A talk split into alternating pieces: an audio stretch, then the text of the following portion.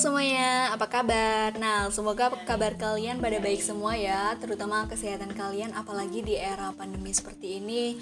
Lebih-lebih deh kalian lebih jaga kesehatan, pola hidup dan juga lebih dijaga dalam memilih makanan.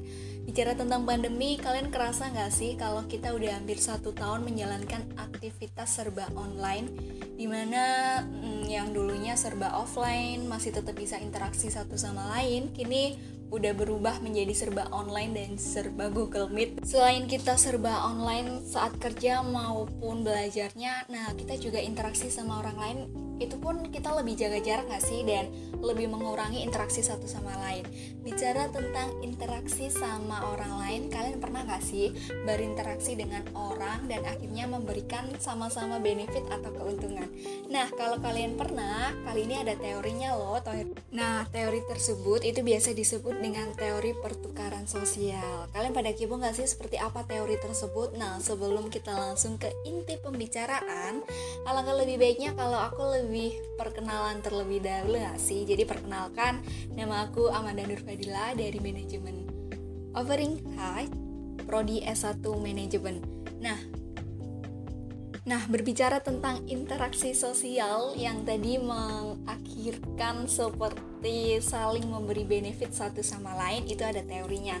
Nah, teori yang aku sebutkan tadi adalah teori pertukaran sosial, di mana teori tersebut adalah teori yang menyatakan e, mengenai dalam sebuah hubungan sosial itu terdapat unsur pengorbanan dan juga keuntungan yang saling mempengaruhi satu sama lain. Di dalam teori pertukaran sosial itu terdapat unsur-unsur yang sangat penting. Nah, unsur apa saja sih itu?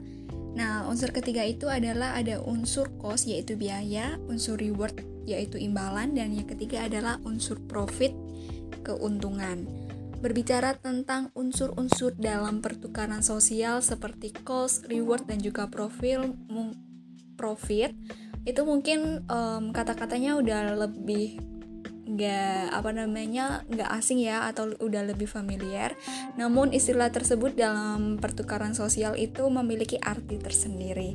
Nah arti sendiri pada unsur pertama yaitu cost atau biaya dari um, pengertian di sini adalah cost adalah perilaku seseorang yang dianggap sebagai biaya entah mengharapkan imbalan atau tidak. Sedangkan reward adalah imbalan terhadap cost dan dari reward yang didapat seseorang bisa saja mendapatkan keuntungan yang lebih besar dari cost yang dikeluarkan.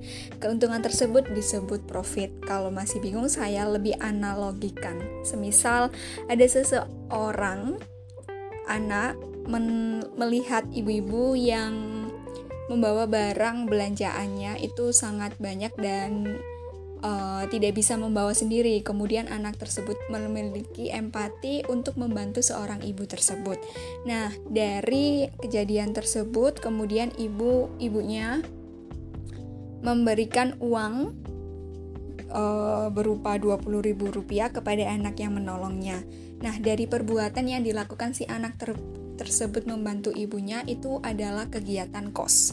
Sedangkan dari ibu tersebut menerima reward berupa um, imbalan karena telah membantu. Sedangkan ada juga umpan balik dari si anak mendapat reward juga dari si ibunya karena telah membantu dengan diberikan uang Rp20.000. Dari kejadian tersebut, kalian sudah paham kan antara cost, reward, dan profit. Kemudian di dalam pertukaran sosial itu juga ada jenis-jenis pertukaran sosial.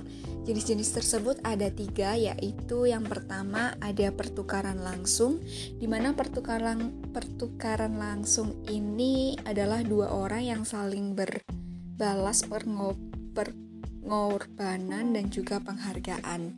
Dianalogikan seperti kejadian ketika seorang atasan menyapa karyawannya setiap berpapasan, kemudian dari pihak karyawannya juga membalas dari teguran sapaan tersebut. Nah, dari interaksi kedua antara atasan dan juga karyawan itu menimbulkan pertukaran sosial yang saling memberikan keuntungan, di mana keuntungan tersebut adalah lebih menjamin uh, hubungan rasa kesaudaraan, kekeluargaan di dalam uh, lingkungan pe uh, pekerjaan tersebut.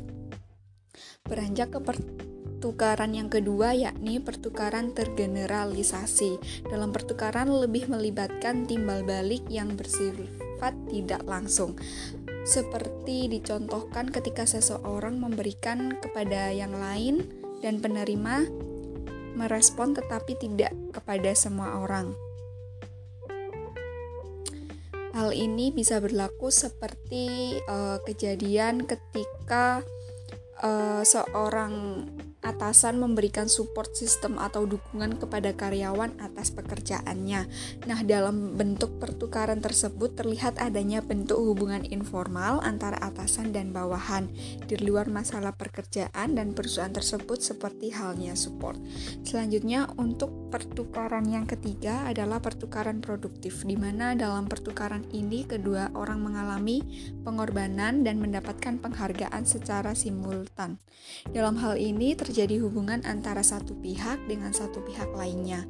Seperti contohnya adalah atasan dan bawahan yang melakukan suatu kegiatan secara bersama seperti sharing session pada akhirnya akan uh, mendapatkan hasilnya bersama dan juga hal yang diambil dari sharing session itu yakni seperti pertamanya kekompakan antar karyawan atau makin solidnya tim kerja. Nah, segitu dulu mengenai tentang teori pertukaran sosial. Terima kasih. Akhirnya sudah sampai di akhir atau penghujung pembahasan mengenai teori pertukaran sosial. Dan akhirnya podcast ini saya akhiri. Saya Amanda dan pamit diri. Bye bye.